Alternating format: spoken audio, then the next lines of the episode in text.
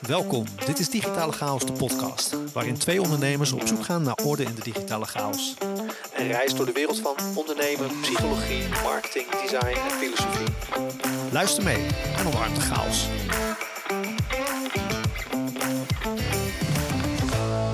Are we on air? We zijn on air. Zijn we weer? Zijn we weer. Hey, ik, eh, ik wil deze wel even delen met eh, de luisteraars. Eh, wat jij mij net leerde is wel, dat, dat wist ik nog niet. Dat, dat er dus achter op je iPhone, dus kan ik nu laten zien hè, want we hebben nu Je de, op de, op de... Ah, achter, video. als je een iPhone hebt en achter heb je een appeltje, een appeltje. Ja, het maakt niet uit. Het is gewoon... Het is Jij gewoon de denkt- jij, achterkant. denkt, jij denkt dat het een touchscreen is. Het is geen touch. I don't know. ik heb geen idee hoe dat werkt. Maar Jasper heeft mij dus net geleerd dat je via settings... Ja, eh, ik ga niet precies uitleggen waar het zit, maar... je kan Settings, dus- accessibility, backtap. Die dus, ja. Je kan dus ehm, instellen door ehm, dat je twee keer of drie keer op de achterkant eh tapt, dat je dan iets instelt. En eh, bij mij heeft Jasper me nu helpen instellen dat hij in grayscale toont. Ja. Waardoor je niet heel die kermis van, van, van kleuren en zo op, je, op je iPhone hebt. En dit vind ik wel heel nice, want ik heb een tijdje heb ik dus grayscale gebruikt. En dat vond ik eigenlijk wel heel fijn. Alleen je moet elke keer weer naar die settings en zo. En als ik dan een keertje foto's had of zo die ik wou bekijken, en dan zat ik het terug naar, naar kleur. En, en dan vind ik het veel handeling om weer helemaal terug te gaan naar die settings. En Ja. dit is gewoon lekker laagdrempelig. Dus eh, dank voor Ja, deze toch? tip. Dit is, Ja. eh, ja, kan een eh, dubbel- moet, je, een- moet je een LinkedIn-post van maken. Die zal het goed doen, denk ik. Een double tap en een triple tap kan je een double tap en een triple tap. Ja, Ja, ik heb hem van een, eh, van een Insta-hack. Lachen. Hoe heet dat? Live hack. Live Insta-hack. Oké. Is dat dan een bepaald eh, kanaal wat je volgt? Nee, nee, dat is gewoon eh, de rabbit hole van Instagram waar je af en toe in belandt. Oh ja, ja ik, eh, je hebt geen Instagram. ik hou me daar niet, scheelt, niet, nee, ik hou me daar niet op. Nee. Nee, dus dat is wat chill. Oh, lachen man. Hoe is Ja. het verder? Ja, goed. Ja, dat hoor ik te zeggen. hè. Dat is natuurlijk... dat is de reflex. Oh ja, dat is de reflex, ja. Ja, nee, ja, heel, goed. Eh, ehm, Een beetje in transitie, een beetje in, eh, in, in ontwikkeling nog steeds. Ja? Dus dat, eh, ja, Vertel. vertel. We gaan therapie eh, beginnen hier. Nou ja, design, design your own life, toch? Daar wouden we het vandaag een beetje over hebben. ja. Of tenminste, in ieder geval het, thema wat eraan vasthangt. Nou, laat ik zo zeggen. ehm, eh, eh, ik, ik vind het ehm, een, een beetje een spannende aflevering. Ja? Ja. Ja, we hebben natuurlijk van tevoren besproken. We houden het nog even in spanning voor de, voor de kijkers en de luisteraars. Maar ehm, nee, ik merk dat ik een beetje in een, eh, in een, eh, in een soort eh, zo'n dubbele, dubbel gevoel zit. Waarin ik de ene kant denk van, nou, ik vind het heel tof om hierover te praten. De andere kant is dat het voor mij een beetje, zeg maar, nu de, de sluier optrek van mijn, eh, ik noem het, eh, eh, de, mijn arrogante zoektocht naar een eh, nieuw filosofisch systeem. Ehm, Luister, weet nog niet waar je het over hebt. Daarom. Ja. Dus het staat in de de spanning nog even Precies vast. staat het in de titel. Ja. Oh. Nee, dus ehm, het is voor mij een beetje eigenlijk waar ik al eh, inderdaad langere tijd over aan het nadenken ben en heel enthousiast over ben. Maar ehm, ik heb het nog niet zoveel heel concreet gedeeld met mensen. Dus dat wordt in deze aflevering eh, uitgekleed, uitgepeld, afgepeld, hoe je het wil noemen. Maar dat eh, ja, gaat mij eens even flink het vuur aan de schenen. Ik ben, heel benieuwd, ik ben heel benieuwd. Want, Ja. ehm, nou, misschien vind je, vind je het goed als ik gewoon jou, jouw globale outline even voorlees.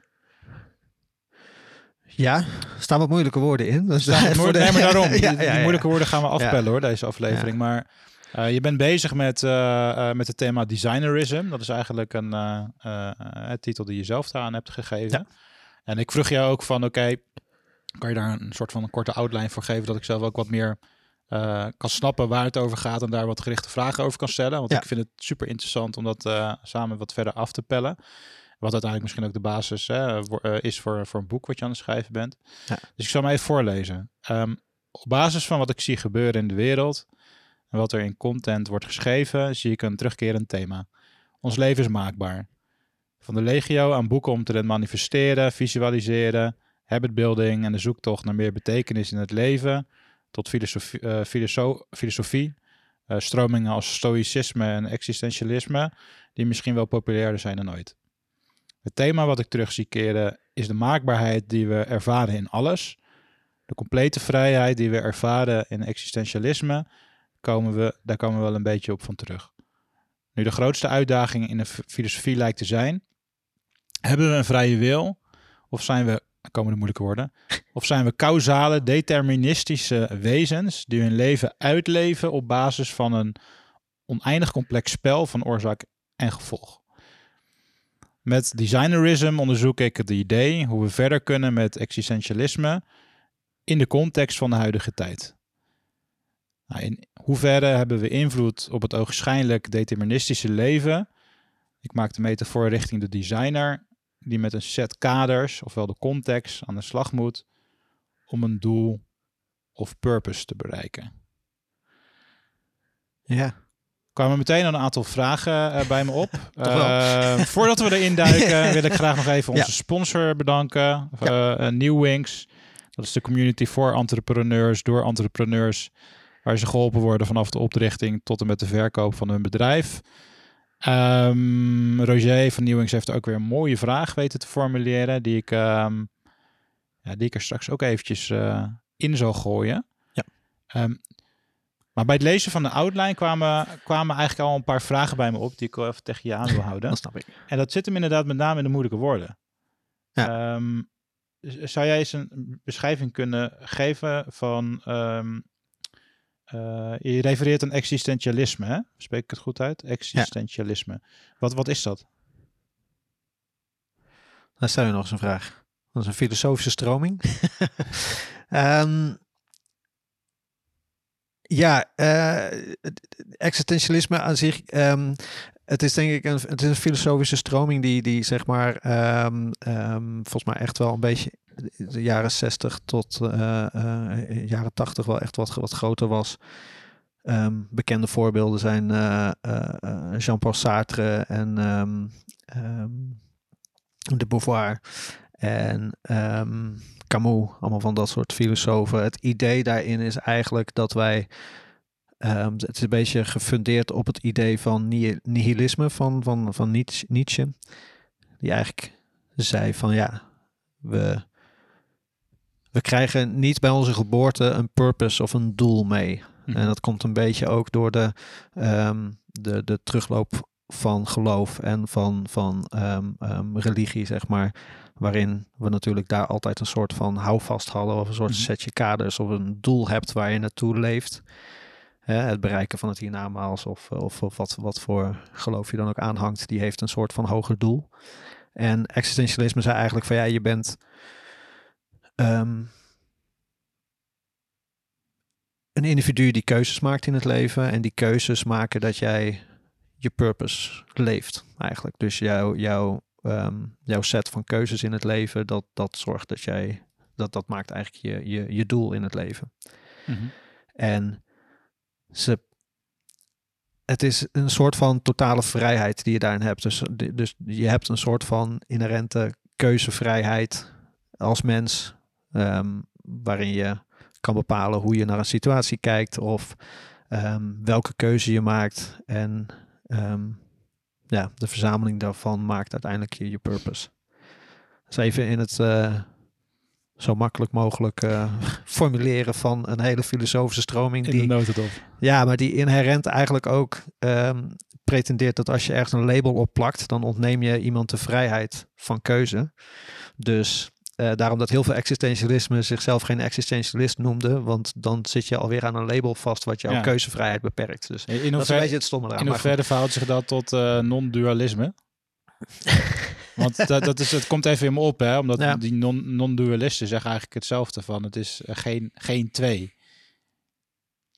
Dus dat, dat heeft ook iets met labeling te maken. Uh, ja. Um, Niet afgescheiden.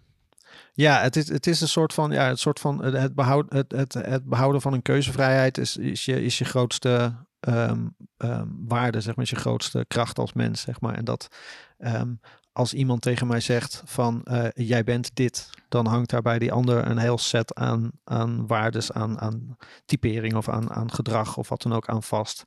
Waarmee je mij dus in zekere zin beperkt in mijn authentieke zelf kunnen zijn. Dat is even, uh, dan gaan we wel heel erg de diepte in nu hoor. Maar, mm -hmm. ja, dat maar dat, uh, dat um, ja, dat, dat is een beetje in de notendop inderdaad. Ja, non-dualisme, ik ben niet heel, dualisme niet heel bekend mee. Maar het is, uh, het is inderdaad wel lab- labelen is wel een onderdeel van, van de kritiek op, op, of hij heeft, eh, op labelen is eigenlijk een, beperking van iemands keuze of een beperking van Ja. je keuzevrijheid, zeg maar. Dus dat is wel iets belangrijks. Ja. En, en hoe verhoudt zich dat dan weer, dat existentialisme, ten opzichte van determinisme? Eh, nou, misschien is het goed om heel even wat context te geven over van wat, wat, wa- waarom ik hiermee bezig ben, zeg maar. Want ehm, het, het komt voor mij voort uit ehm, eigenlijk een beetje een filosofische reis die ik, de, die ik in- de afgelopen jaren, of misschien zelfs tientallen jaren, als ik, eh, als ik heel eerlijk terugkijk, doorloop. En ehm, voor mij voelde existentialisme echt als zeg maar het gouden ei wat ik in de filosofie vond, waarin ik zoiets had van, ah ja, wacht, hier was ik naar op zoek, zeg maar. Waarom? Ehm, Krijg je die ingeving? Nou, in, omdat ik altijd een beetje gestrukkeld heb, eh, misschien zelfs al vanaf heel jong af aan, van wat is nou het doel in het leven? Wat is mijn doel in het leven? Of wat is mijn plaats daarin? Of hoe... ehm, ik ben altijd heel erg gezocht naar labels misschien wel, of naar, naar een hoger doel of naar een soort purpose. En ik vond het heel moeilijk om te formuleren, want ja, je hebt dan ook te maken met waar, normen en waarden. En daar was ik daar eigenlijk heel bewust mee bezig van, wat zijn dan mijn normen en waarden? En hoe ga ik die formuleren? Moet ik die opschrijven, ja of nee?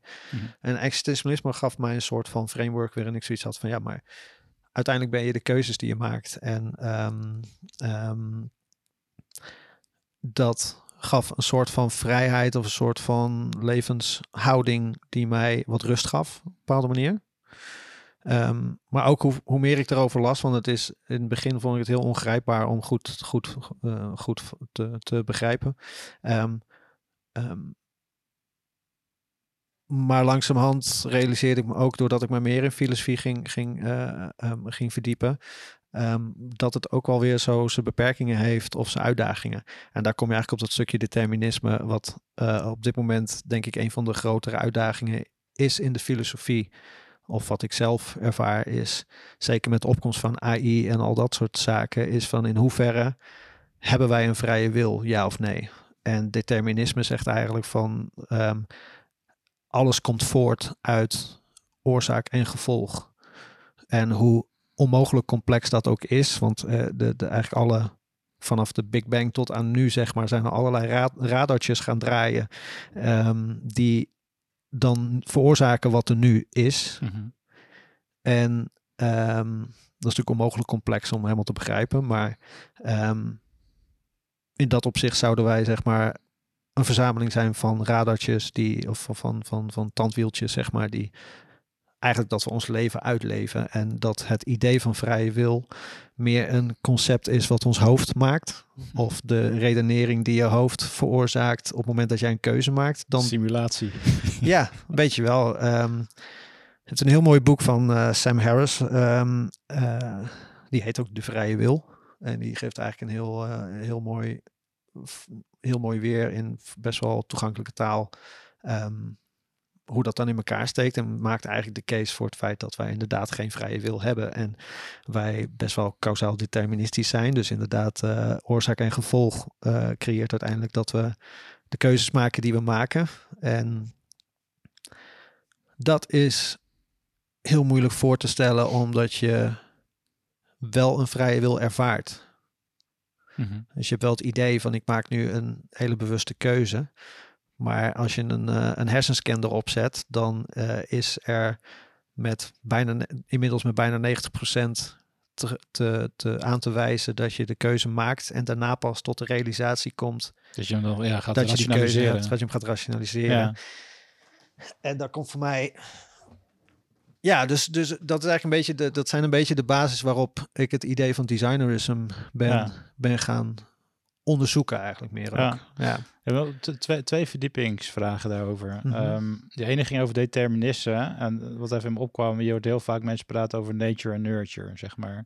Ja. Is dat dan iets typisch deterministisch? Dat je zegt van oké, eh, eh, dat sommige stromingen zeggen van oké, een deel is genetisch eh, bepaald, misschien wel door je nature. En een deel kan je beïnvloeden door je opvoeding, zeg maar wat, door nurture. Ja.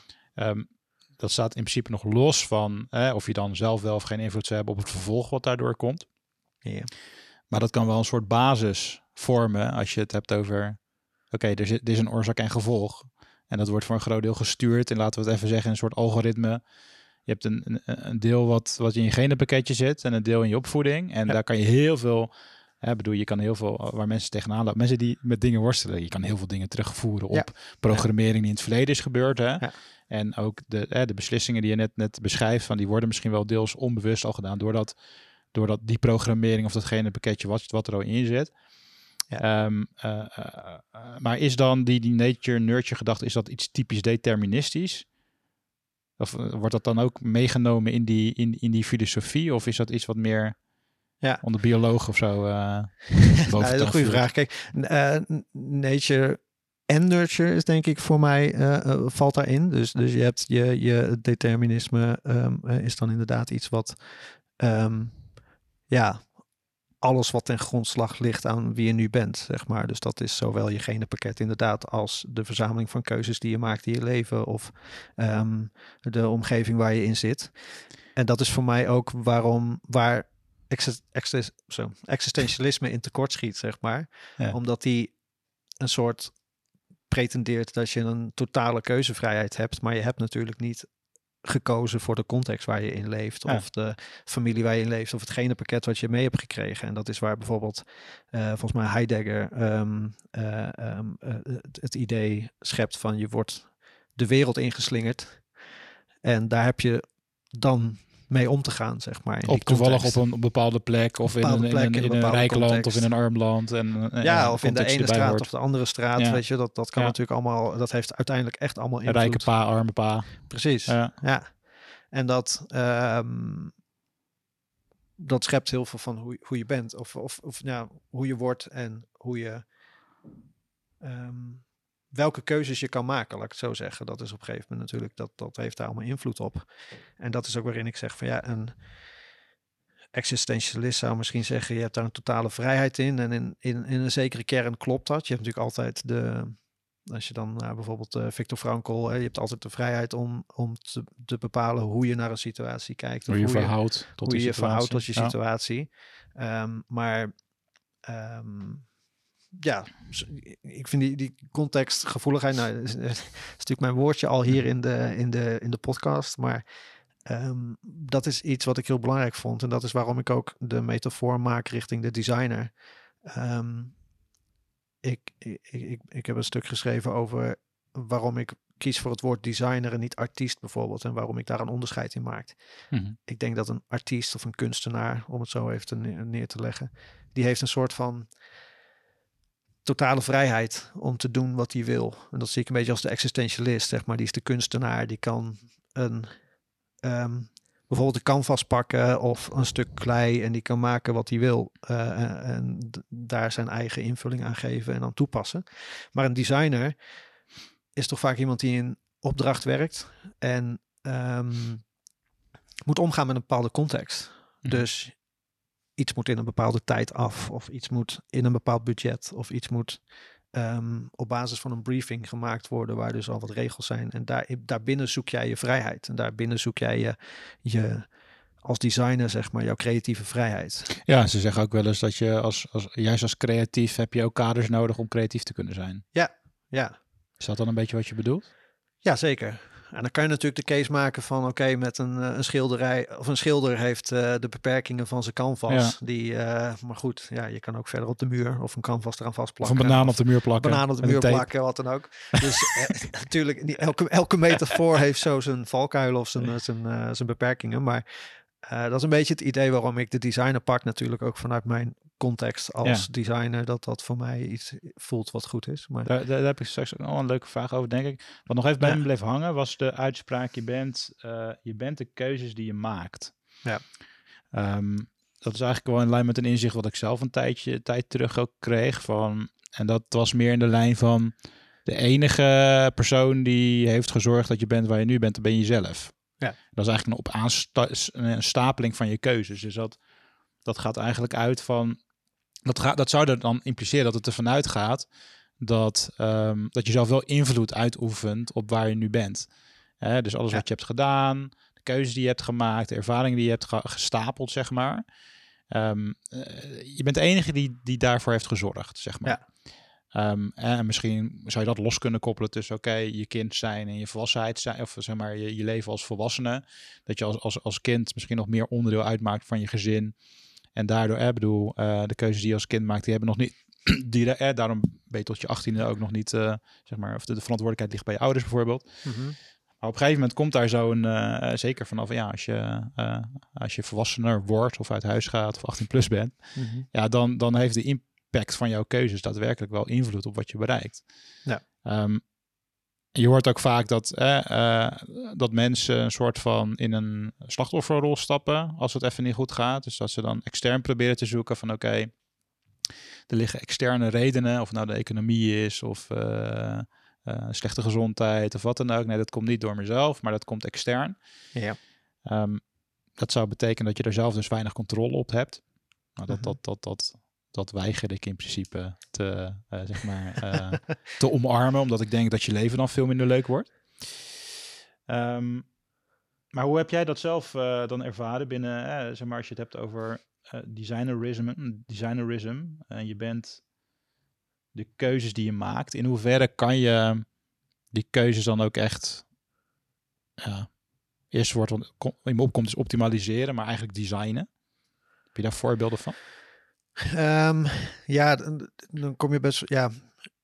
Ehm, nou, je bent de keuzes die je maakt, komt dan ook uit die filosofie en vanuit dat existentialisme. En ik denk wel dat je uiteindelijk.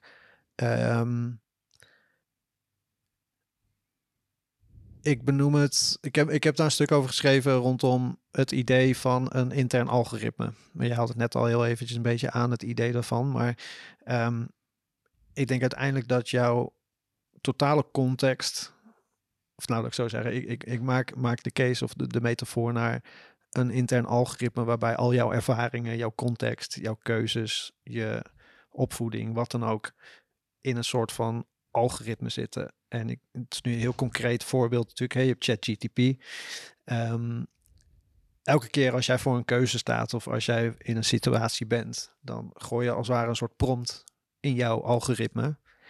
En op basis van de context waar je op dat moment in staat, en dat heeft ook te maken met hoe je je op dat moment voelt, hoe je, eh, waar je op dat moment bent, hoe jouw mindset is, ehm, welke context je staat, ehm, gaat jouw algoritme aan het werk om daar een antwoord op te formuleren of een keuze in te formuleren. En daar rolt iets uit. En jouw ehm, emotionele brein plakt daar een, een verhaal overheen. Mhm. Of hè, via die, jou, de andere helft van je brein, die, of je, je bewustzijn, zeg maar, die plakt daar een, rationaal overheen of een, een verhaal. Waardoor je het idee hebt van ik heb een vrije wil, maar het is een soort van gebaseerd op jouw interne algoritme. En ehm daar gaan ze weer. Maar ehm, je, in dat opzicht ben je, ben je de keuzes die je maakt. Want jouw, jouw interne algoritme, jouw database is gevuld met alle ervaringen en alle context die jij hebt meegemaakt. Of misschien situaties waarin je eerder zo'n keuze hebt gemaakt. Kijk, heb je nu zin in koffie, ja of nee? En daar zitten allerlei processen onder. Als je totaal deterministisch zou zijn, dan zeg je op een gegeven moment gewoon van het leven is een machine. Dus ik ga maar gewoon een beetje achterover zitten en kijken welke keuzes er naar boven komen borrelen. Maar ja, zo werkt het leven natuurlijk niet. Je moet ook ehm, gewoon je, je, je, je werk gaan doen, je dingen gaan doen, eh, je leven gaan leiden, je keuzes maken. En of je die nou wel of niet met een vrije wil maakt, je maakt ze wel. Het idee van designerism wat ik aan het onderzoeken ben, is van in hoeverre hebben we daar dan invloed op? Dus in hoeverre kunnen we dat manipuleren? En als je kijkt, hè, waar het ook vandaan komt, wat ik in de wereld zie gebeuren, is het stukje van habit building, visualiseren. Ehm, het lijkt erop dat je wel triggers kan toevoegen in jouw wereld of eh, dingen kan doen om jouw interne algoritme te beïnvloeden. Ja. Noem een voorbeeldje van therapie bijvoorbeeld. Ehm, ik zie therapie ook een klein beetje als het herprogrammeren van je algoritme, van je beslissingsalgoritme. Waarbij je eigenlijk gaat kijken van nou wat zijn variabelen die ik heb ontwikkeld in het verleden, waar ik nu mijn keuzes op baseer. Dus noem het even dan patronen of noem het trauma's of situaties die ik in het verleden heb meegemaakt, waar ik door daar bewust over na te denken anders naar ga kijken, waardoor ik in de Mhm. toekomst betere beslissingen ga maken. Wat even opkomt, is grappig, maar dit gesprek gaan we nog met Tjeerd Lenissen voeren. Over Ja. de alchemie, alchemie van woorden. Laatst een keertje een soort schemaatje van gemaakt. Ehm, Mhm. Zeg maar dat woorden invloed hebben op gedachten en dus gevoelens, et cetera. Mhm. En die hebben weer invloed op concept of hoe je naar de wereld kijkt. En er zit een soort ehm, loop in, zeg Ja. maar, beide kanten uit. Dus eh, woorden kunnen via gedachten concepten beïnvloeden. Ehm, maar dat kan ook weer teruggaan, zeg maar. Ehm, Ja. ik, ik, ik probeer even, want zeg maar, ik, dit is wat ik automatisch altijd doe. Als ik een complexiteit zie, Ja. dan wil ik kijken of ik dat kan vatten in een soort van eh, een modelletje of zo. Weet je, kijk van, wat is dat designerisme nou eigenlijk? En als je, je gaf net het voorbeeld van eh, emotie. Dus dat zie je ook in de Big Five terug, bijvoorbeeld. Hè? Dus waar we het ook met Danny Mullen dus over hadden. Dus ehm, eh, je kan emotioneel stabiel zijn in een soort basisprofiel of meer instabiel. Even een concreet voorbeeld. Uit mijn pokerverleden, als je zeg maar ehm, een aantal handen hebt gespeeld en je hebt een aantal keer verloren terwijl jij de hoogste kans had. eh, als het geld erin ging, dan voel je een soort van onrecht. Dan wordt de kans hoger dat je emotioneel instabiel wordt.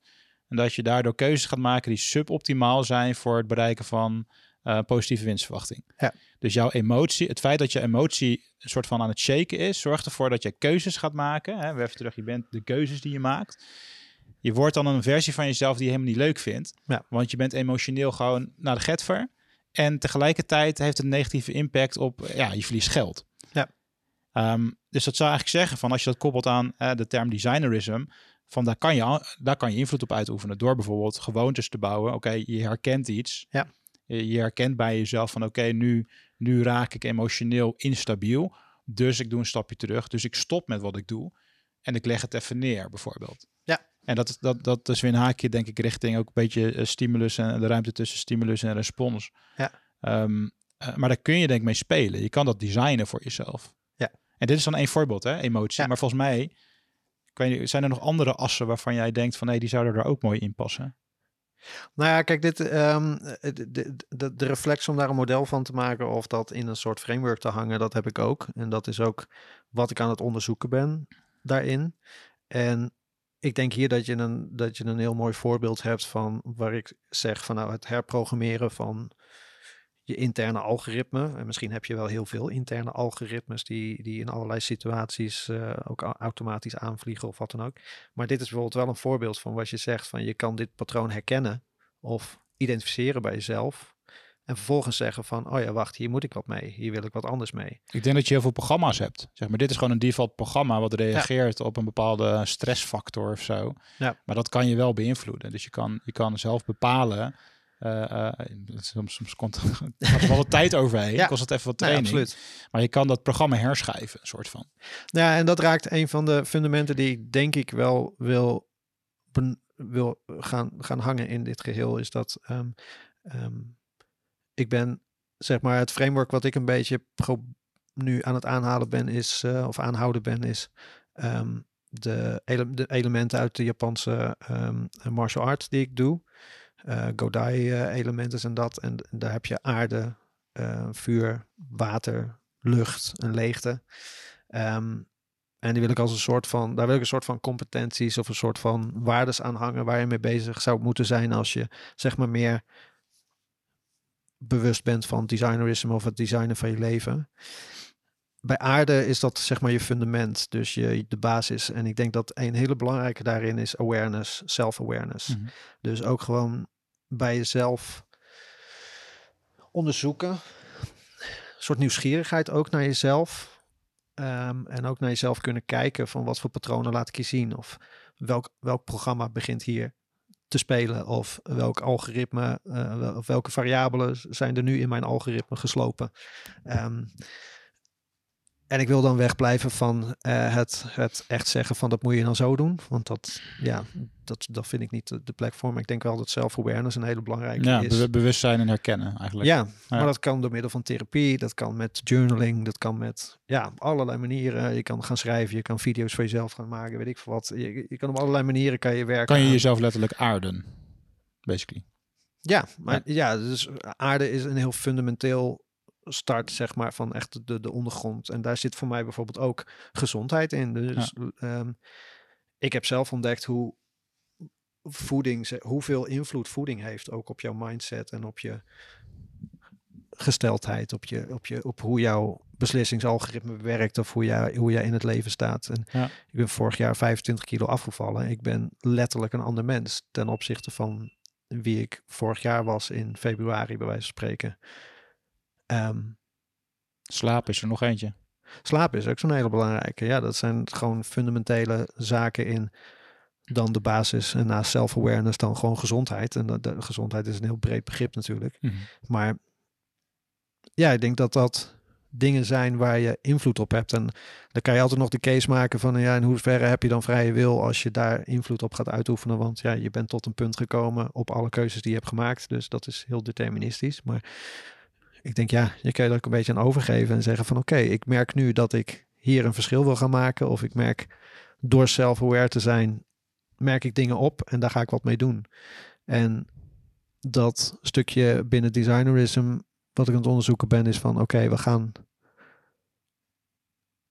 inderdaad aan de slag met die context, kijken naar die context en je gaat daar je leven op bouwen. En waar existentialisme een beetje in mijn beleving, en dat is daarom noem ik het in mijn intro stuk, waar wat ik aan het schrijven ben, ook een beetje een arrogante zoektocht, maar eh, waar, waar existentialisme dan een beetje in tekort schiet, is dat je een soort van totale keuzevrijheid hebt. Maar ik zeg wel van ja, je hebt wel een bepaalde context waar je mee te dealen hebt. En zonder daar als een soort slachtoffer van je omgeving te voelen, wel te kijken naar wat kan je daarmee? Wat kan je met die kaders? Waar, waar, waarom noem je het een arrogante zoektocht? Nou, ik ben, ja, dat is mijn uh, imposter syndroom, wat, uh, wat leeft. ik, ben, ik ben geen afgestudeerd filosoof of geen. Maar zit daar, maar zit daar, of... zit daar, zit daar niet een soort van uh, overtuiging in die er misschien voor zorgt dat je hier niet helemaal los op gaat?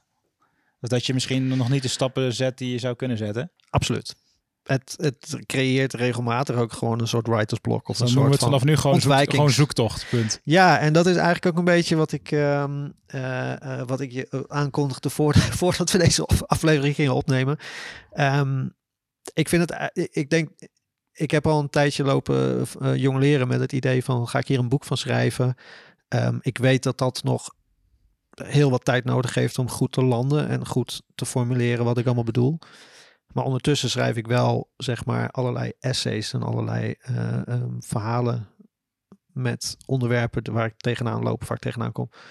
Dus ik, ik heb het idee om er wat, misschien wat meer een contentplatform van te gaan maken. Om gewoon te kijken van oké, okay, laat ik die reis gaan beschrijven om dit te formuleren. Want nee, ik heb, ik heb er een woord aan gehangen. Maar nee, ik heb nog geen compleet framework. Ik heb nog geen compleet uitgedacht idee.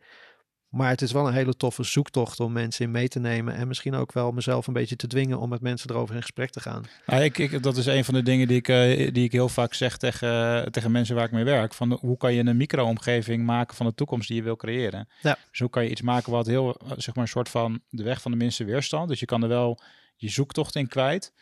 Uh, maar, maar hoe maak je het niet meteen te groot? Dus Ja. niet meteen van oké, het moet een boek worden. Maar een soort speeltuin creëren voor Ja. jezelf waarin je die, die gedachten kan vormen. En dat kan een, kunnen LinkedIn posts zijn, dat kunnen ook podcast, eh, eh, podcast shorts zijn of wat dan ook. Ja. Maar die speeltuin, weet je wel? Dat is denk ik wel een leuke. Ik, ehm, ik vind hem ook wel leuk, hè, zeg maar. Want eh, het element aarde heb je net ook even omschreven. Ja. Ehm, die, ehm, wat het ook wel bij mij deed, is van... Oké, aarde plus context, zeg maar... Je hebt geen context zonder de, de, de aarde. Want de aarde is eigenlijk, als je het ziet als entiteit... van dat is de context waarin alles afspeelt... waar, waar wij ons in als een soort van actoren in bewegen. Ja. Ehm, maar dan heb je nog een paar elementen. Zou je die ook eens kunnen toelichten... hoe die binnen jou, jouw zienswijze passen in designerism? Nou, wat ik zeg, kijk. eh, Ik vind het leuk, hè, want ik gebruik zelf ook de metafoor in mijn eigen Ja. boek eh, eh, van, de, van de elementen. Dus ik vind het wel leuk om dat er even wat af te pellen. Ja. Nou, om, eh, om een terugkerend thema ook eh, erbij te pakken, wat, eh, wat in de podcast zit. Ik heb mijn tatoeages daar ook op gebaseerd. Dus mijn, de vier elementen zijn, is, zijn mijn twee sleeves, zeg maar. Dus mijn bovenarm en mijn onderarmen. Ehm, maar ehm, ja, aarde, ook vanuit mijn vechtsport, zeg maar, aarde is ook gewoon stabiliteit en, en de, de, de, de, de kracht. hele stevige technieken, hele stoppende technieken, dat soort zaken. Als je het hebt over ehm, vuur, dat zijn hele explosieve technieken, hele explosieve ehm, dingen. En in- voor mij zit daar ook een beetje het deel passie. Het deel waar word ik vrolijk van? Waar gaat letterlijk mijn vlammetje van aan, zeg maar. En daar is, voor mij is dat het gedeelte waarin je ook je design, zeg maar, ophangt aan je visie of je missie of je strategie. Zoals van hoe, wat zijn de dingen waar ik echt happy van word? Wat zijn de zaken waar ik blij van word? En of je dat Waar je op in- aangaat. ja, en ook daar weer, zeg maar, hoe je dat dan doet, dat moet je zelf weten. Daar zijn duizenden zelfhelp, zelfhelpboeken over geschreven van eh, hoe beschrijf je doelen en gebruik strategie X om daar te komen. Mhm. Ehm, maar daar, dat zit daar voor mij een beetje in. Zo van, van oké, je hebt, je, je, hebt je, je basis. Je, je hebt misschien een beetje teruggekeken. Je bent self-aware. Vervolgens ga je met, je met vuur ga je kijken van oké, vooruitkijken van naar de toekomst toe. Ehm, het is letterlijk zo bijvoorbeeld. ehm, ehm, ik kwam bijvoorbeeld van Jordan Peterson. Die heeft self-authoring, een platform gemaakt. Waarin je dus zeg maar op basis van vragen je zelf gaat onderzoeken, maar ook naar de toekomst toe bijvoorbeeld gaat kijken van oké, wie wil ik dan worden, wie wil ik zijn. Mhm. En er is letterlijk ook heel veel wetenschappelijk onderzoek naar gedaan dat ehm, bijvoorbeeld een hele simpele quote is: een plan is beter dan geen plan. Ja. Dus mensen die bijvoorbeeld zij we hebben op een gegeven moment studenten ehm, laten beschrijven van oké, eh, wat wil je bereiken dit jaar en hoe ga je dat doen? En ehm, de mensen die dus dat plan hadden ge- opgeschreven, die waren gewoon x percentage succesvoller dan mensen die geen plan hadden gemaakt en die gewoon maar een beetje gingen. En de mensen die gewoon snel een plan hadden gemaakt en gaandeweg dat verfijnden en, en aanscherpten en dat soort dingen waren nog wat succesvoller. Ja. Dus daar kwam ook voor mij een beetje het voort van oké, soms is gewoon iets opschrijven of iets gaan plannen of iets gaan doen is al beter dan dat je dat Ja. helemaal perfect wil doen. Dus Volgens mij voed je daar dat interne algoritme ook mee. Ja. Het is grappig. Ja. Ik, eh, ga, ik zie, en dan zie je mij op mijn papiertje ga ik automatisch eh pijltjes tekenen Ja. tussen, die, tussen die werelden. Want ehm, wat er volgens mij ook gebeurt, is als je fundament, je aarde op orde is, dus je weet te herkennen eh, op het moment dat je bijvoorbeeld eh, dreigt op tilt te schieten of in emotie, je kan Ja. het herkennen, je kan even jezelf terugroepen. Als je in die, meer in die stabiele staat kan blijven, dan krijgt die, dat vuur, die passie, die krijgt volgens mij ook meer zuurstof om letterlijk gewoon Ja. te expanden. Dus hè, zonder, vuur, zonder zuurstof heb je geen vuur. Ehm, maar als je eigenlijk heel erg in die stress zit, heel erg in, in die emotie en dat, wordt, dat beïnvloedt alles op een negatieve manier, dan is er letterlijk gewoon geen, geen ruimte of geen zuurstof om dat vuur, die passie, eh, eh, te, te laten branden, zeg maar. Ja. Dus die, die link zie ik daar ook heel erg in. Dus dat is ook wel een interessante. En nu worden ze voor mij wat moeilijker, omdat de elementen voor mij nog iets, nog niet, nog niet heel duidelijk. Nou ja, lucht Geformuleerd Lu- hebben. Lucht benoemde ik net eigenlijk al, toch? Dus eh, Ja, nee, dat is wel een belangrijke ding. voor mij de volgende is ook wel water. En dit, dat zit daar ook wel een beetje in. Maar dat het, water is bijvoorbeeld ook golfbewegingen, dus ook meebewegen. Je hebt bijvoorbeeld ook een hele bekende quote van eh, eh, Bruce Lee. Hè, met eh, water in een theepot. Van eh, hey, eh, water wordt de theepot en vormt zich naar... Ik denk dat voor mij daar ook iets zit in meebewegen met je context. En om kunnen gaan met die context. En daar ook weer bewust van zijn. Ehm, ook een stukje stromen, verandering, wat daarin zit.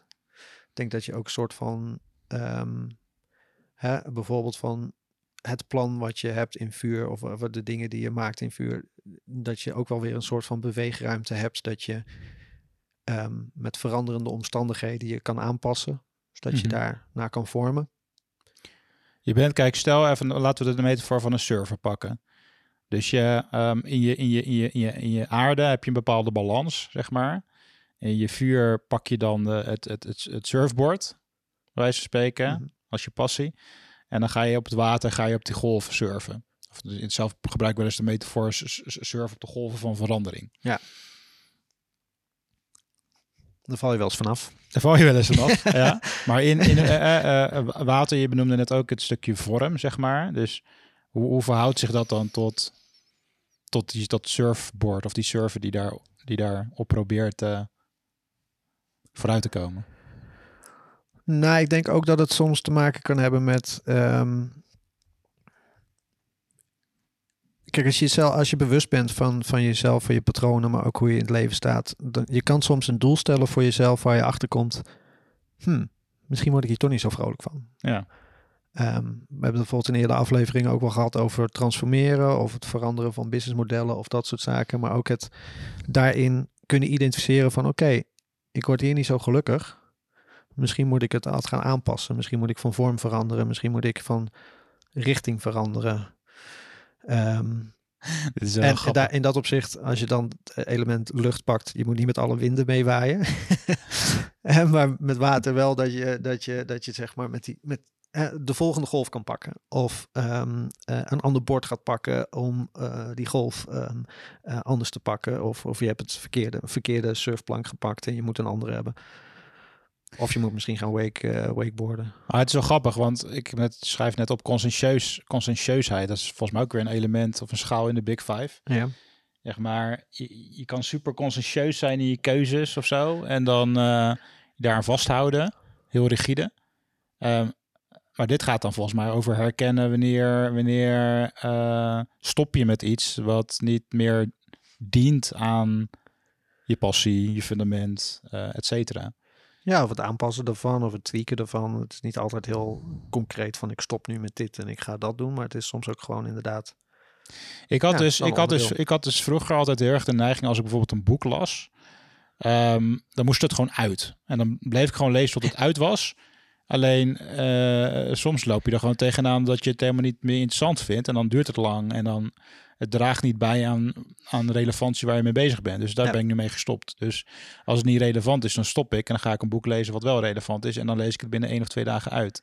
Ja, het Uh, gaat maar ik wat, mijn conscientieusheid zat hem dus in de weg. Want ik, ik had gewoon, zeg maar, in mijn basisprogrammering zat gewoon... Oké, je begint aan iets, aan een boek, dan lees je het uit ook. Ja. Dat is gewoon basisprogrammering. Ja, dat heb ik. Ik, ik in de zin van. Het dient je niet. Nee, ik vond altijd dat ik boeken moest lezen van de inleiding tot aan de andere, Ja. andere kant van de kaft, zeg maar. En ik ben daar nu ook wel in uit dat, dat zeker Amerikaanse eh, businessboeken vaak het eerste een derde van het boek kan je overslaan. Want Ja. het is een soort van levensverhaal wat heel interessant kan zijn. Maar als je de kern wil, dan kun je vaak wat verderop beginnen. Nou ja, ja tuurlijk, dat soort dingen eh, zeker. Kijk, lucht vind, het element lucht vind ik nog een beetje een lastige. Ehm, om echt duiding aan te geven. Ik heb wel ehm, eh, ChatGTP eh, gevraagd om ook eens wat op weg te helpen met in ieder geval het competentiegedeelte. En, en ja, Wat zei chat? nou, ook daar zit weer het, de, de uitdaging in dat dingen soms overlap hebben en dat ehm, ehm, je het, dit ook weer, dat wil ik dan heel erg in hokjes stoppen en denken van oké, het framework heeft die vijf elementen en daar ga je dan zeg maar iets in een hokje stoppen. Dus ja, daar moet ik nog een beetje kijken of dat uiteindelijk zich zo vormt. Maar ja, daar, daar zit ik nog een beetje naar te zoeken. De, de, de, de, linkjes die ik krijg bij lucht is dus het verband met vuur. Waar we net over hadden. Dat Mhm. je lucht nodig hebt om vuur en passie zeg maar, aan te kunnen zwengelen. En hoe ik het zelf volgens mij in mijn eigen boek gebruik ook. eh, Maar dan in het verlengde van wind. Dus dat je, je kan ideeën hebben en eh, die kan je door de, door de lucht en door de wind laten verspreiden. En die komen op een gegeven moment ergens aan. In dus Ja. de aarde, dus vo- voedingsbodem. Zodat ze kunnen opgroeien tot een nieuw idee. Ehm, ehm, Ja, misschien is het voor mij ook al een stukje ruimte geven. Het, het stukje, Ja.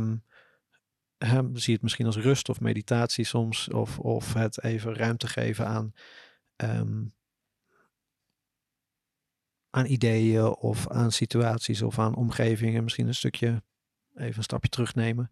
Eh, bijvoorbeeld, wat ik heel mooi vind aan John Cleese, die heeft bijvoorbeeld heel veel gesproken over creativiteit.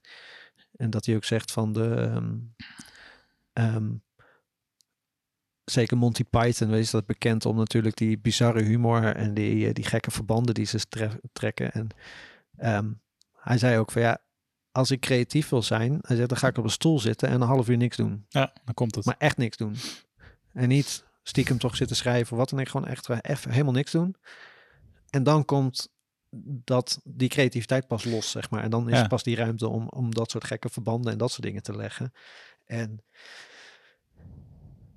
ja, dat vind ik wel mooi, denk ik, aan het stukje ruimte, ruimte geven. Maar dat, hè, dat kan ook te maken hebben met rust. Soms ook dingen loslaten. Dingen, ehm, hè, die vliegen maar even laten wapperen. Ja, wat, bij- wat in me opkwam was een soort ontvankelijkheid voor reflectie. Zeg maar, de lucht, lucht gaat altijd in stromen, dus je hebt luchtstromen. Ja. Zit hem ook een beetje in reflectie. Als je bijvoorbeeld gaat werken met, eh, feed forward in plaats van feedback. Weet je, je kijkt vooruit en het wordt Ja. een soort cyclus die zichzelf sluit. Volgens mij, volgens mij dan hangt het ook heel erg samen met een soort o- open systeem of zo, wat je dan creëert.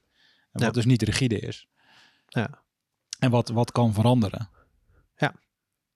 Dus meer als je gewoon kijkt naar hoe een wereldbol eruit ziet en hoe die luchtstromen gaan. En, eh, interessant. Ik- ja, je Ja, je hebt nog een vijfde hebt nog element. een vijfde, ja. Ja, ja. dat is een gekke, want dat is leegte.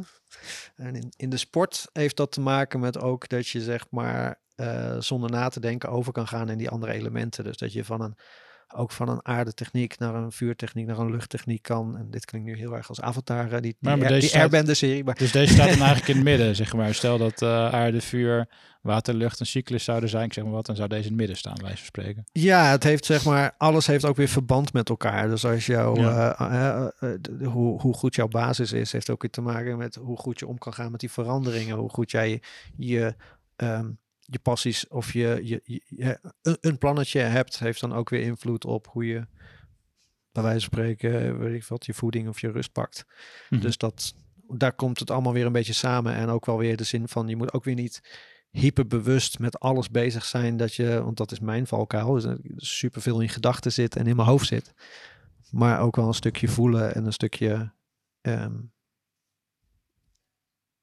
ja, ruimte Zou- rust, rust pakken. daarin. Zouden we deze dan, die elementen, zelf een concreet voorbeeld van een ondernemer kunnen leggen? Of kan een eigen praktijkvoorbeeld zijn? Of, eh, Ja, ik, ik, het hele idee van, van eh, designerism is natuurlijk heel abstract, is heel filosofisch in dat opzicht. En het is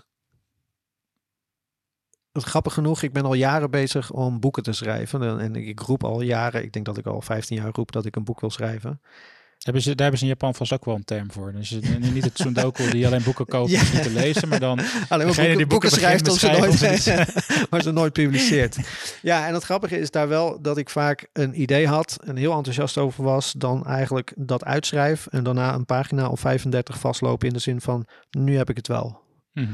En dat is vaak een verzameling van essays zonder dat ik daar een heel grote verhaal aan kon hangen.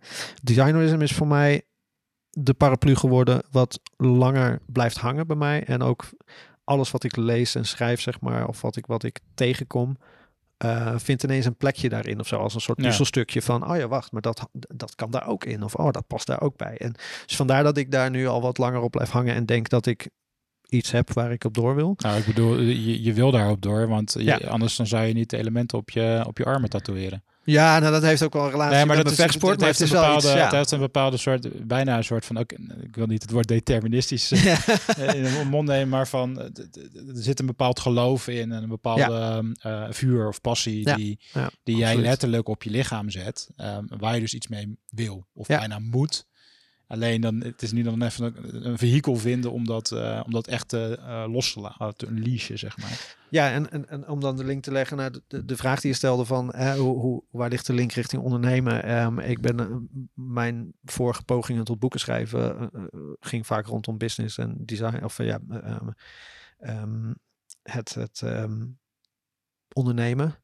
En ik heb letterlijk op een gegeven moment manuscript voorbereid van design your business. En dat is letterlijk van het toepassen van de designers mindset op alle aspecten van je organisatie. Dus Mhm. niet alleen marketing en creatief, waar, waar natuurlijk iedereen gelijk aan denkt als je zegt designen in je bedrijf, maar ook je finance. Tegenwoordig, eh, iedereen werkt met dashboarding. Dat is, gewoon, ge- dat, zijn, dat is eigenlijk gewoon design. Eigenlijk is desi- designerism is een soort van basisbijbel voor business design. Zou je het zo kunnen Ja, in zeggen? principe Eh, wel. ja, maar inderdaad, eh, eh, wat je net benoemde, EOS bijvoorbeeld, een mooi voorbeeld van ehm, het design een, een, een, een ehm, eh, operating system voor je bedrijf, Mhm. wat eigenlijk in alle aspecten leeft. Ehm, het designen van je HR, eh, eh, bijvoorbeeld eh, Agile wordt ook toegepast in HR bijvoorbeeld. Weet je? Heel Ja. gek, maar dat is ook een soort van framework wat gedesigned is in, in die context. Dus voor mij b- kwam het daar ook samen. En dat was een realisatie die ik denk drie, vier jaar geleden in mijn bedrijf ook ehm, had. Dat ik denk van ja, maar je kan die designer mindset toepassen op je finance. Maak maar een planning en ga daar maar iteratief mee om. Ik heb bijvoorbeeld op een gegeven moment gewoon vier, vijf begrotingen gemaakt, gewoon om ze te maken. En gewoon is van, oh, wat als we dit doen? Wat als we deze keuze maken? Wat als ik die keuze maak? En als je denkt aan finance, dan is het al heel gauw van het moet precies en het moet kloppen. Mhm. En het moet eh, een soort van zwart-wit zijn. Het moet, moet dit zijn of het moet dat zijn. Maar ik dacht van, nee, ik kan er ook lekker mee puzzelen. Ik kan ook zeggen van, oh, ik doe eens dit erin. Wat als ik een ander kantoor ga huren? Wat als ik twee mensen aanneem? Wat als ik, nou, eigenlijk dat in Excel gedesigned letterlijk. Maar gewoon een sheet gemaakt waarin je gewoon heel makkelijk variabelen kan aanpassen. En dan kan spelen van, oké, wat voor invloed heeft dat dan? Oh ja, hoeveel omzet moeten we dan draaien? Oh, is dat realistisch? Kan ik dat terugrekenen naar uren die we beschikbaar hebben als capaciteit? Dus je kan daar een soort van het is bijna prototyping in finance, waar je gewoon bijvoorbeeld dingen mee kan doen. Maar ehm, Ja, wat ik dan wel weer interessant vind, als je dat in finance doet, hoe hou je dan die, de, de- de- het raakvlak met een stukje vuur, de menselijke passie en bijvoorbeeld ook het stukje eh, fu- fundament onder je medewerkers, zeg maar. Het is natuurlijk heel makkelijk om dan door te schieten in eh Ja, de, nou, de- dit de- gaat meer de nog meer- harde metrics, zeg maar. ja, dit gaat nog meer om het principe van ehm, het, het is te designen, zeg maar. Dus het is, het is maakbaar. Ja. En ehm, eh, je kan daar iets mee. Dus dit, dit zat iets meer op, op business design misschien. Maar als je dan hebt van designerisme als filosofische stroming. Ja, uiteindelijk heb je daar ook een fundament als bedrijf. En heb je daar ook een soort strategie met je doelen rondom je. Mhm. als je dan kijkt naar vuur. Heb je ook een stukje ehm, wendbaarheid wat je moet hebben. Als je kijkt naar water. Van het, het, bijvoorbeeld het fenomeen strategiseren in plaats van een strategie beschrijven. Dus Ja. eh, je moet ook gewoon vaak bezig zijn met het tweaken van je strategie. Ehm, de wind, misschien is dat ook een stukje context waar je in zit, je branche of je, je, je, eh, hoe kan je omgaan met de dingen die er in je branche bewegen, zoals AI en dat soort zaken die op je afkomen. Ja. En dan ook leegte weer, hoe, hoe verenig je dat allemaal weer met elkaar en hoe houdt, verhoudt dat zich weer met elkaar? Het is, eh, ik, ik ga er heel erg op aan, want het is zeg maar, hè, dat, daar heb ik het zelf ook vaak over van, oké, we worstelen best nog wel een beetje met de nasleep van het eh, industriële tijdperk, dus het machine-metafoor. En we zitten volgens mij veel meer in de transitie richting meer menselijke, menselijkheid en meer een organistisch metafoor. Ja. Ehm, en dit model gaat uit van de elementen van, van dat organistisch, of van, van, van, van de wereld als organisme eigenlijk. Dat vind ik wel heel tof. Ja, en ik probeer nog wel een beetje weg te blijven van het te zweverig maken. Want ik heb daar zelf. ehm, nou ja, ik, ik, ik ben wel een beetje spiritueel. Maar ik probeer dat er ook, ook altijd wel weer gewoon. Waarom? Ben je daar hesitant in? Ehm, nou, ik wil het ook toegankelijk houden voor, voor veel mensen. Door, en ik, ik, als je het hebt over visualiseren of dingen als ehm, manifesteren, dat heeft al heel gauw een soort woewoe gehalte of een bepaalde uh, Wat ik me kan voorstellen, wat, wat ik me kan voorstellen is dat zo'n model juist verklaart waarom het werkt. Dus ja. uh, zeg maar geïsoleerd kan het zweverig overkomen. Dat je denkt van oké, okay, ik, plaat, uh, ik zet plaatjes op mijn vision board en dan, en dan gaat het vanzelf gebeuren. Dat is niet hoe het werkt. Nee. Dus dat, is, dat is, kan een element zijn wat iets in werking kan zitten. Maar da, daar, vervolgens moet je daar actie op definiëren. Uh, moet het dicht in je passie zitten, in je vuur. Uh, en, en, moet je de, de, de voorwaarden optimaliseren dat het daadwerkelijk kan gebeuren. En dat je ruimte creëert om het te ontvangen.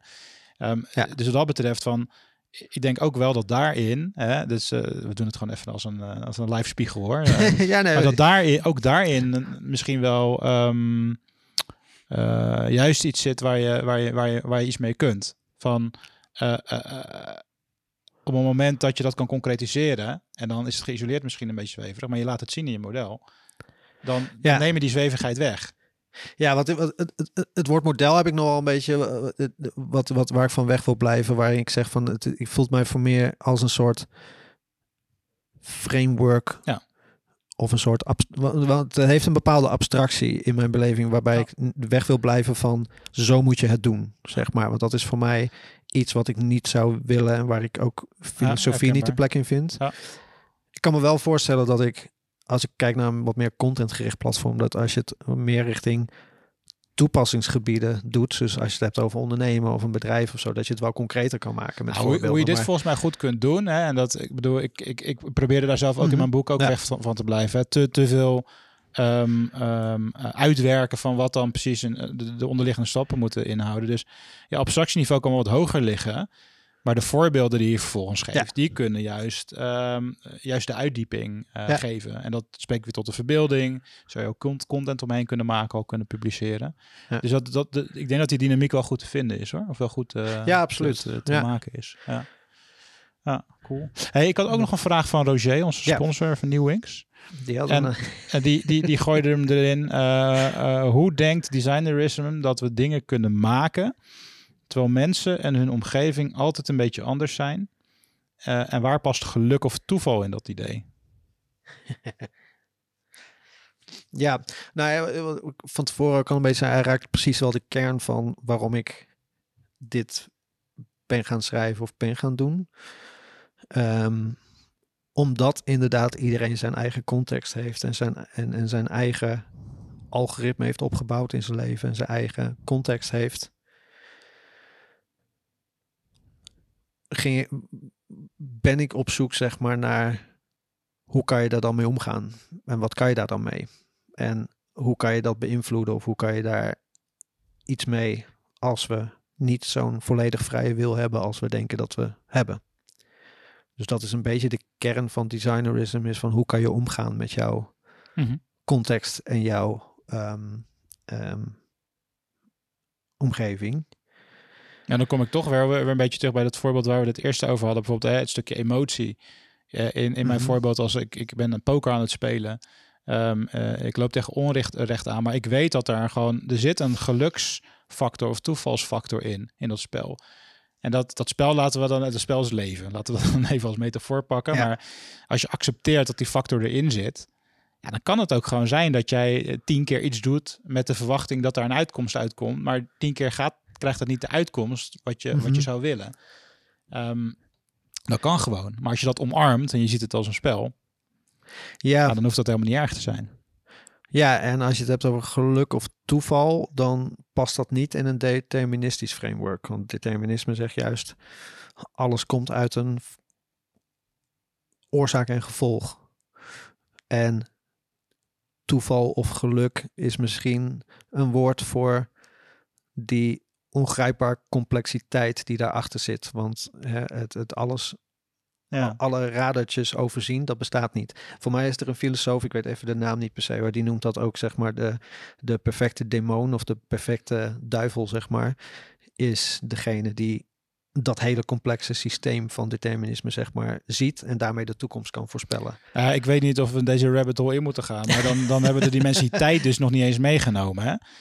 Dus zeg Nou. maar, eh, eh, determinisme, oorzaak gevolg, zou je denken van, oké, je hebt een, een, een trigger en een resultaat. Er gebeurt iets en daar is een resultaat. Maar wij gaan er dan vaak vanuit dat dat in een vrij compacte tijdsperiode gebeurt. Dus je doet Ja. nu iets, dat heeft een resultaat. Ja. Terwijl er zijn volgens mij heel veel dingen die je nu kan doen. En dan kan je, sta kan je zien als stapelen en beslissingen die je stapelt. Ja, het duurt misschien wel drie jaar voordat er iets terugkomt. Door wat je nu doet. Ja, Hetzelfde zie je in, in dat, daarom vind ik het, de metafoor met het organisme zo, zo gaaf. Omdat eh, eh, organische marketing, hè, ik, eh, pak even eh paid advertising versus organische marketing via LinkedIn. Ja. Het duurt gewoon drie tot zes maanden voordat je effect ziet. Want dan ben je pas top of mind genoeg en dan eh, volgen mensen je genoeg totdat je bijvoorbeeld inbound leads krijgt. Ja. En eh, dat effect neemt alleen maar toe naarmate je langer doorgaat. Als je bijvoorbeeld eh, de top creators ziet op LinkedIn, ja, die zijn gewoon drie tot vijf jaar al bezig met dagelijks posten. Ja. Dan, dan, en, dan, en dan zie je het effect pas. Ja, absoluut. En dat is iets wat, wat ja, dat is onderdeel van die, van die onmogelijk complexe puzzel waar je keuzes op gebaseerd zijn. En je in dat algoritme wat ook oneindig complex is. Want Ja, dat- maar misschien alles is heeft dat- daar invloed Maar op. misschien is dat ook gewoon leuk dat het, dat het, Tuurlijk, dat ja. het eh, complex is en dat je niet weet Ja. wat er van tevoren gebeurt.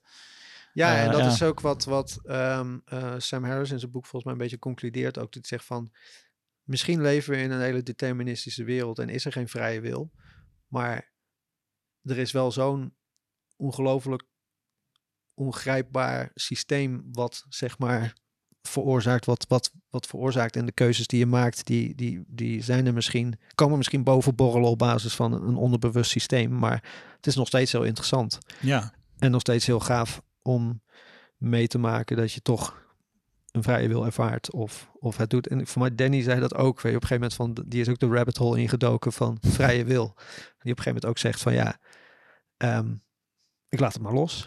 Volgens ik mij, geniet maar gewoon van. volgens mij, volgens mij, ook- mij komen we dan toch weer eh, ook weer uit op de, op de bekende quote dat eh, hoe, meer je, hoe meer je leert, hoe meer erachter komt dat je heel veel dingen nog niet. Ja, absoluut. weet. Absoluut. En dit is voor mij ook.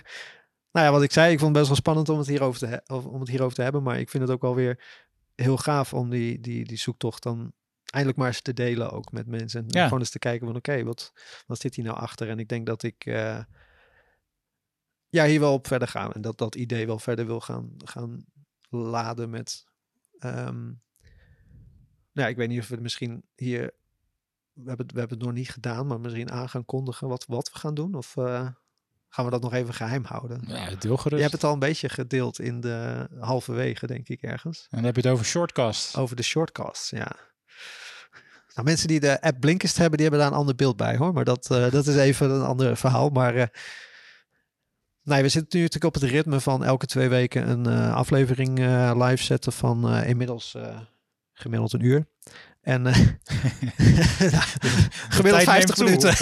Nou, ik, zat onze, ik zit onze oude podcast op YouTube te zetten. En ik merk dat de, in de oude podcast hadden wij één op één gesprekken een half uur. En interviews een uur. Oh ja. Maar inmiddels zitten al onze afleveringen op rond een uur, zeg maar. Tussen de 40 minuten en een uur.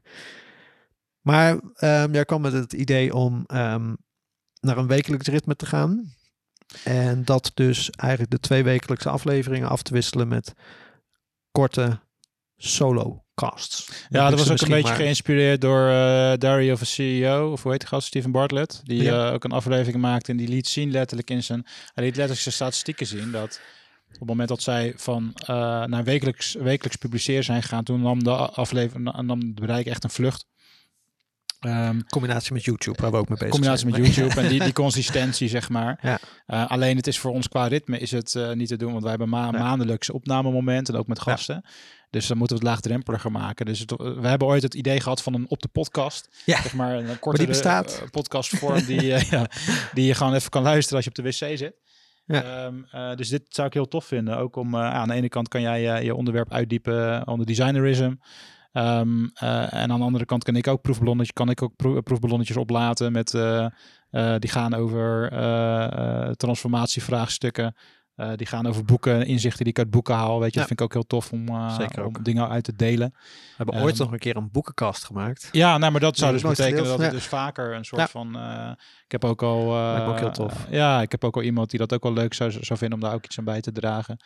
Moet een beetje zoeken naar de vorm hoor. Maar ik denk wel dat als we naar een wekelijk- wekelijkse ritme zouden gaan, dat.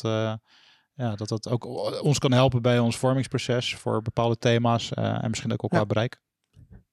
Ja, want dat vind ik wel leuk inderdaad ook om te kijken van kunnen we dit eh, het bereik nog wat vergroten, maar ook inderdaad van kunnen we nog wat meer waarde toevoegen en het ook leuk houden voor onszelf. Dus eh, ja, het lijkt me tof en als het lukt, daar misschien video aan toe te voegen. Want Ja. inmiddels houden ze er steeds halverwege mee op omdat ze te Eh, warm worden, de GoPro's. we- dus, eh, Dat is nog learning by doing. learning by doing. Dus de volgende multitalent wat we willen ontwikkelen, een Ja. beetje video. Ja. Ja. Alright, hey, eh, eh, tot slot. max, ja. ja. tot slot. Hoe- was het voor jou om te doen? Dit gesprek? Leuk, spannend ook wel. Eh, ik hoop dat het niet te complex werd. Wat zijn je, Maar, main, ja. wat zijn je main takeaways die je ne- meeneemt? Ehm, dat ik er nog dat ik heel enthousiast van word om hiermee verder te gaan. Dus ik denk dat ik ehm, ehm, ja, binnen, binnenkort wel terugkom met wat meer nieuws over van hoe ik dat vorm wil gaan geven. Ja, Dus lekker de aflevering terugluisteren, notes maken. zeker. En dat brengt weer genoeg input voor de shortcasts. Ja, en eh, gek genoeg hebben we de, de elementen eh, iets meer vulling kunnen geven, waar ik nog een beetje eh, tussen wat nog een beetje aan het jongleren was ermee, zeg Ja. maar. Maar nu, eh nu maar even dat iets is- meer beeld heb Ik vind het ook leuk om te doen, Ja. want wat automatisch wat ik doe, ik probeer verbanden te leggen. En dan eh, in gesprek kan je daar misschien bepaalde inzichten uit halen. Dus eh, Ja, super ik ga zeker ook je shortcasts luisteren. Dankjewel. Alright, luisteraars, bedankt voor het luisteren. Tot een volgende keer. Tot de volgende keer. Ciao, ciao. Ciao. We hebben niet onze naam gezegd. Mijn naam is Christian Slierenbrecht.